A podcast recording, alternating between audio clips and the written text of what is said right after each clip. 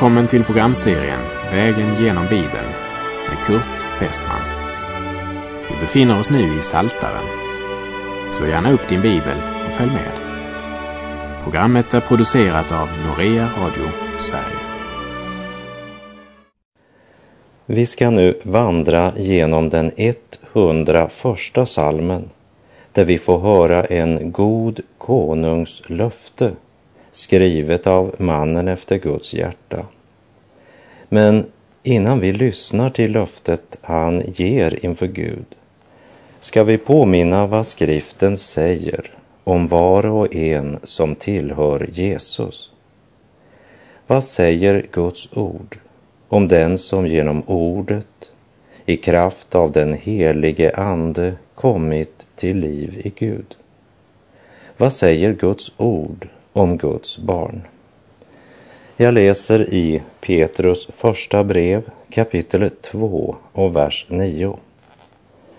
Men ni är ett utvalt släkte, ett konungsligt prästerskap, ett heligt folk, ett Guds eget folk, för att ni ska förkunna hans härliga gärningar han som har kallat er från mörkret till sitt underbara ljus. Du som genom tron på Jesus blivit ett Guds barn, renad i Jesu blod och fått Guds helige ande i ditt hjärta. Du tillhör ett utvalt släkte, ett eh, konungsligt prästerskap. Och när vi vet att vi tillhör ett konungsligt prästerskap så bör vi under noggrann eftertanke läsa en god konungs bön. Medvetna om att den först och främst illustrerar Kristus, men att det samtidigt också borde vara vår hjärtebön. Låt oss göra den 101 salmen till vår personliga bekännelse det är viktigt för oss att börja stava på dessa ord som står som ett fyrtorn mitt i syndens natt. Det är de gudfruktiga föresatsernas psalm framför andra och den vill vägleda vår tanke och hjälpa oss att handla rätt.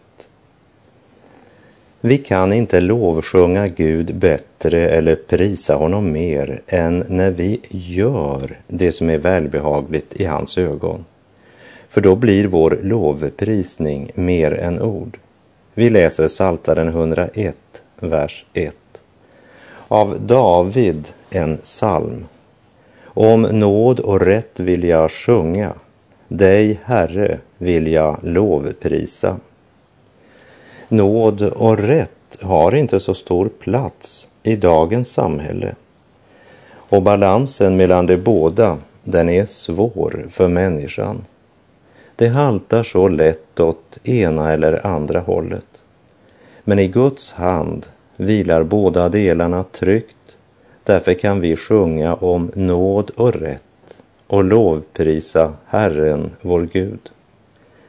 Det är fridsfurstens sång, han som är vägen, sanningen och livet. Och hans ord och gärningar, ja, hela hans liv är en underbar harmonisk lovsång om både nåden och rätten. Och i den 101 salmen träder han fram för vår blick. Vi läser verserna 2 till och med 4. Jag vill ge akt på den fullkomliga vägen. När kommer du till mig? Jag vill vandra med uppriktigt hjärta där jag bor i mitt hus. Jag vänder inte mitt öga till det onda. Jag hatar orättfärdighet och jag vill inte låta sådant komma nära mig. Ett falskt hjärta ska vara långt ifrån mig. Det onda vill jag inte veta av. Jag vill eh, vandra med uppriktigt hjärta. Ja, det är väl inte riktigt så vi minns Davids vandring. Ändå passar orden på David på det sättet att även om han inte lyckades vandra uppriktigt alltid så ville han gärna det. Jag vill vandra med uppriktigt hjärta. Men orden passar helt och fullt på Guds son, frälsaren. Och jag påminner om att han var människosonen när han vandrade här nere på jorden. Det vill säga, han var sann människa. I sin gärning som förlossaren så var han Faderns enfödde son. Se, jag har kommit, Gud, för att göra din vilja, säger Jesus i Hebreerbrevet 10.7. Och i Första Korinthierbrevet 15, verserna 26 till och med 28 så läser vi. Som den siste fienden berövas döden all makt. Ty allt har Gud lagt under Jesu fötter. Men när det heter att allt är lagt under honom så är det uppenbart att den är undantagen som har lagt allt under Kristus. Och när allt har blivit lagt under honom, då skall sonen själv underordna sig den som har lagt allt under honom, för att Gud ska vara allt i alla. Som den sista fienden berövas döden all makt. Då är Kristi kamp mot syndens alla nedbrytande krafter över. Det stora frälsningsdramat är slut. Kristi återlösningsverk som fullbordades på Golgata har då nått sitt slutliga mål. Uppståndelsetron är det bärande i den kristnes kamp. Döden är inte det sista, men livet bryter ut i sin fullkomning när basunen ljuder. Kristus kommer och de döda står upp. Och nu ska vi här i den 101 salmen höra hur Kristus ska regera. För David regerade aldrig på detta sätt, det vet vi. Vi läser i Saltaren 101, verserna 5 till och med 8.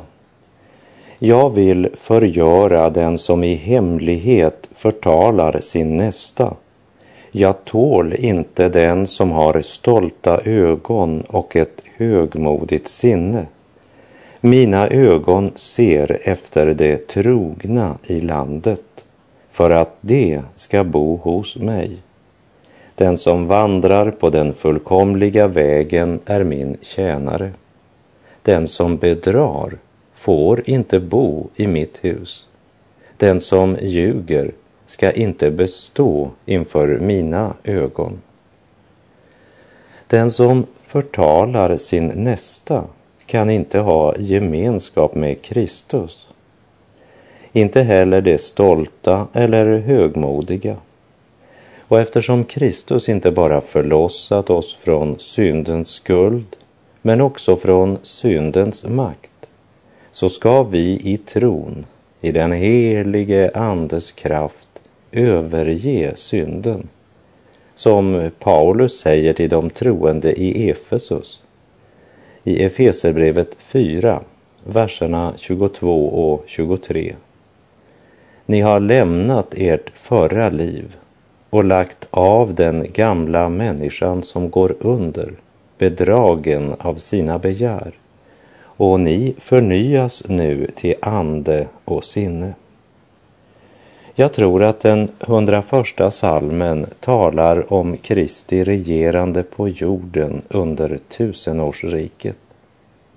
Och vi vet att Davids rike, det var bara en svag skuggbild av Kristi kommande rike, som innan det kommer i fullkomning föregås av tusenårsriket. Vi läser i Johannes uppenbarelsebok kapitel 20, verserna 1 till och med 3. Och jag såg en ängel komma ner från himlen med nyckeln till avgrunden och en stor kedja i handen. Och han grep draken, den gamle ormen, det är djävulen och Satan, och band honom för tusen år. Sedan kastade ängeln honom i avgrunden, stängde till den och förseglade den över honom för att han inte längre skulle bedra folken förrän de tusen åren hade nått sitt slut. Därefter skall han släppas lös för en kort tid. I de tre första verserna i Uppenbarelsebokens tjugonde kapitel så omtalas de tusen åren två gånger. Och i hela kapitlet nämns de tusen åren sex gånger. Så även om tusenårsriket bara är omnämnt i ett enda kapitel så är det nämnt sex gånger. Det talar om en tid i människans historia då Satan ska vara bunden i tusen år. Vilket ju är en absolut förutsättning för att eh, vargar ska kunna gå i bet tillsammans med lamm. Under den tid då man inte någonstans på Guds heliga berg ska göra ont eller fördärvligt, som det står i Jesaja kapitel 65.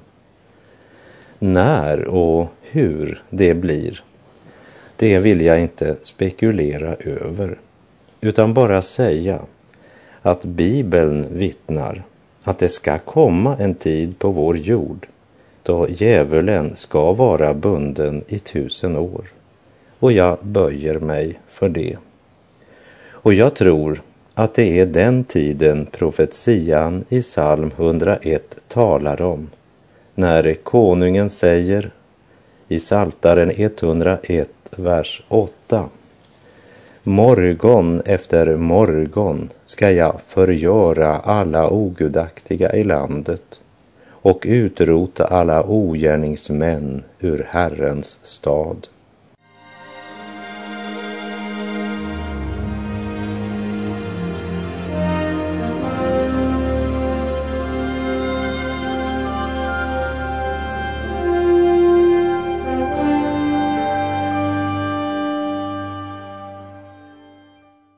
Den hundraförsta salmen målar triumfens ögonblick för oss, då ondskan blir bunden och Jerusalem triumferar i ett tusen år.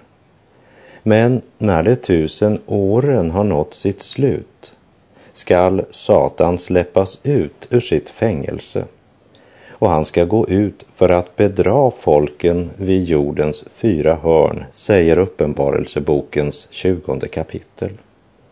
Och därefter ska djävulen som bedragit människorna kastas i sjön av eld och svavel och då ska Gud upprätta en ny himmel och en ny jord.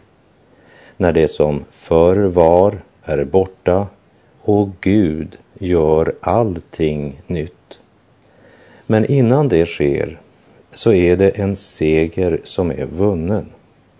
En strid som är utkämpat.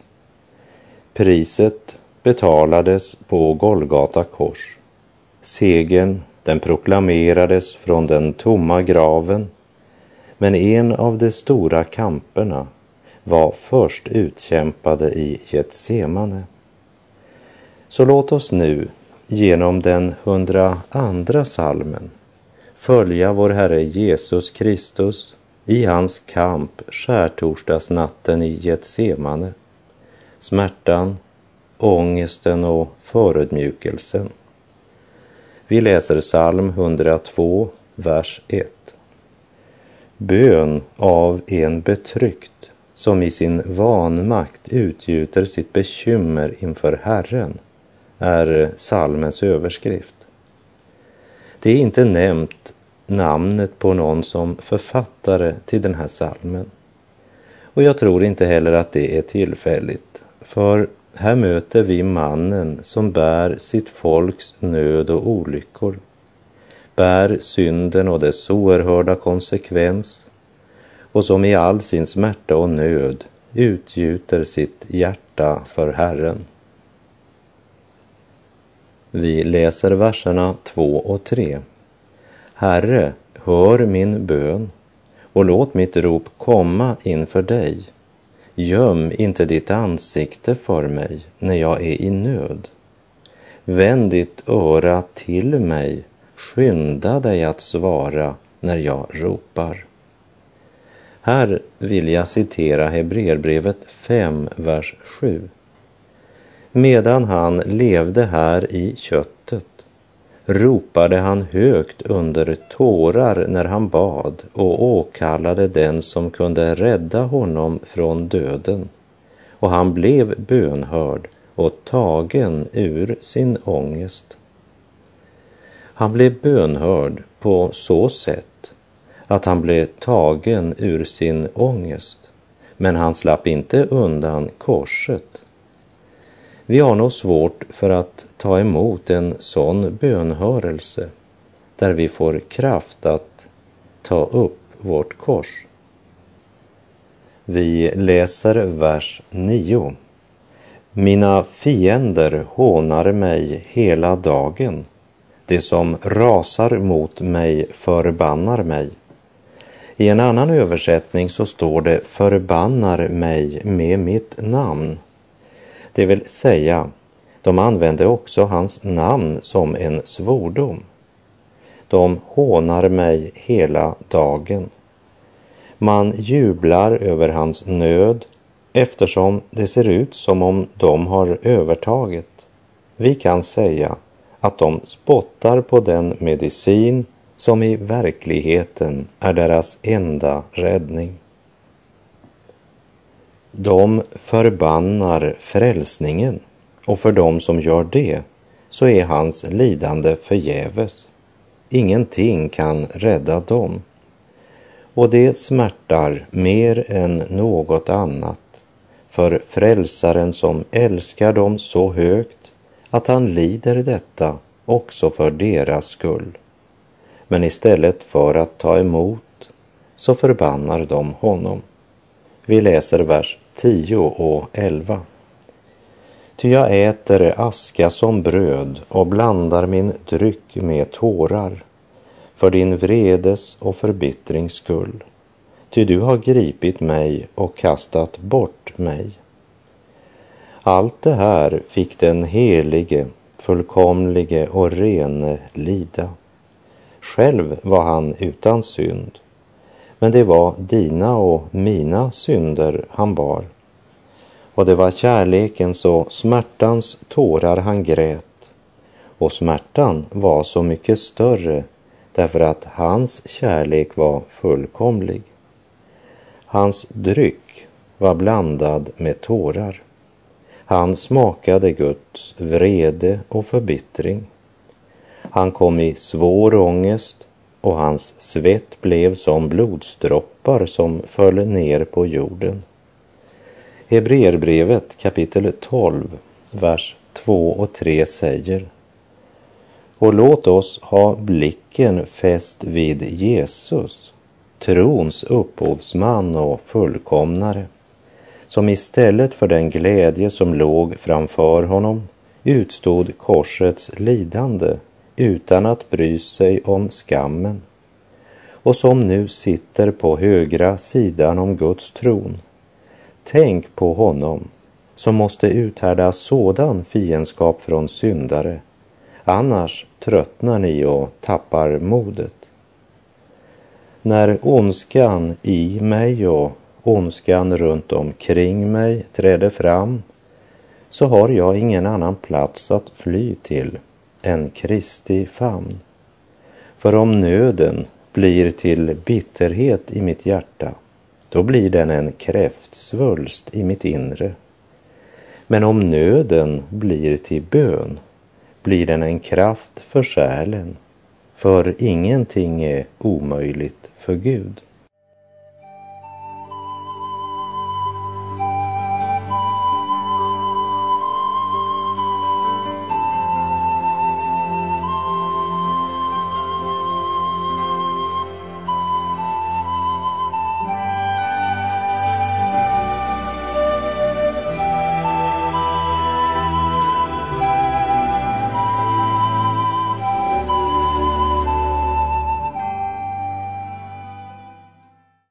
Vi läser i Saltaren 102, verserna 13 till och med 15. Men du, o Herre, tronar i evighet. Från släkte till släkte kommer man ihåg dig. Du skall stå upp och förbarma dig över Sion. Det är tid att du visar det nåd, ja, stunden har kommit. Ty dina tjänare har dess stenar kära, det ömkar sig över dess grus. Blicken lyfts ifrån smärtan och svårigheterna och upp till honom som sitter på tronen. Jag känner det som jag skulle förgås, men du förgår aldrig. I Romarbrevet 8, verserna 35 till och med 39 så står det Vem kan skilja oss från Kristi kärlek? Nöd eller ångest, förföljelse eller hunger, nakenhet, fara eller svärd. Det står ju skrivet, för din skull dödas vi hela dagen, vi räknas som slaktfår. Men i allt detta vinner vi en överväldigande seger genom honom som har älskat oss. Ty jag är viss om att varken död eller liv, varken änglar eller furstar, varken något som nu är eller något som skall komma, varken makter, höjd eller djup eller något annat skapat ska kunna skilja oss från Guds kärlek i Kristus Jesus, vår Herre. Du, Herre, tronar i evighet, säger salmisten. Även om det i ögonblicket såg ut för salmisten som om Gud var overksam och ondskans makter triumferade, så visste salmisten att Gud skulle ingripa. Han visste vad Gud hade sagt i sitt ord och han var fullt övertygad om att Gud skulle uppfylla vad han hade talat. Gud har i sin allmakt och eviga visdom fastställt en tid då han ska återupprätta sitt rike. Och då Guds rike kommer så kan varken Rom eller djävulen eller någon Guds förnekare hindra det. Och då ska han stå upp och förbarma sig över Sion. Vi läser vidare psalm 102, vers 16 till och med 18. Då skall hedningarna frukta Herrens namn och alla jordens konungar din härlighet. Ty Herren bygger åter upp Sion och uppenbarar sig i sin härlighet. Han vänder sig till det utblottades bön. Han föraktar inte deras bön. Låt oss aldrig glömma att Gud har en sådan omsorg för sitt folk att han sätter sin egen ära som borgen för deras trygghet. Och steg för steg närmar vi oss nu tiden då han ska uppenbara all sin härlighet. Och vi lägger märke till att han kallar sitt folk för det utblottade. I världens ögon så var de övergivna och föraktade, berövade allt som var denna världens glädjeämnen. Men om de människorna så säger texten här att Gud vänder sig till dem. Han föraktar inte deras bön. Kanske hade det varit stunder då de i sin djupa nöd och förtvivlan hade känt det så. Därför ligger det en rik och djup kunskap och tröst i dessa verser. När Gud genom dessa ord önskar förvissa dig om att din bön är registrerad i himlen så håll du ut i tro och bön. I Korinthierbrevets första kapitel så kallas Gud för barmhärtighetens fader och all trösts Gud. Så hör detta du förtvivlade, sargade själ. som tror att Gud har glömt dig. All trösts Gud försummar aldrig att lyssna till det utblottades och bedrövades rop. Gud vänder sig till det utblottades bön. Vi läser Saltaren 102, verserna 19 till och med 23. Detta ska skrivas ner för ett kommande släkte och det folk som skapas ska lova Herren. Han blickar ner från sin heliga höjd. Herren ser ner från himlen till jorden för att höra den fångnes klagan, för att befria dödens barn, för att man i Sion skall förkunna Herrens namn och hans lov i Jerusalem, när alla folk och riken samlas för att tjäna Herren. I Romarbrevet 15, vers 4 står det Ty allt som tidigare har skrivits är skrivet till vår undervisning för att vi genom den uthållighet och tröst som skrifterna ger ska bevara vårt hopp. Och salmisten säger detta ska skrivas ner för ett kommande släkte. Vi läser psalm 102, verserna 26 till och med 28. I urtiden lade du jordens grund. Himlarna är dina händers verk. Det går under, men du förblir. Det ska alla nötas ut som en klädnad. Du ska förvandla dem som man byter kläder och det byts ut. Men du är den du är och dina år har inget slut. Hebreerbrevets författare återger dessa verser i Hebreerbrevets första kapitel, verserna 10 till 12. Och den 102 salmen avslutas i vers 29 med orden Dina tjänares barn skall bo i landet och deras efterkommande skall bestå inför dig. Om den kristna församlingen försvagats genom likgiltighet, ljumhet och världslighet, så låt oss i vårt mörker vända vårt rop till honom som i skapelsens begynnelse sa sitt varde ljus. Låt oss som Guds tjänare be för våra barn att de får bo i landet. Och då tänker jag inte på Sverige utan på att i tron få bo i Guds löften under hans välsignelse.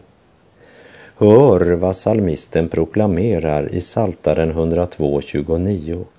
Dina tjänares barn skall bo i landet och deras efterkommande skall bestå inför dig. Och med det så är vår tid ute för den här gången. Jag säger på återhörande om du vill. Herren vare med dig. Må hans välsignelse vila över dig. Gud är god.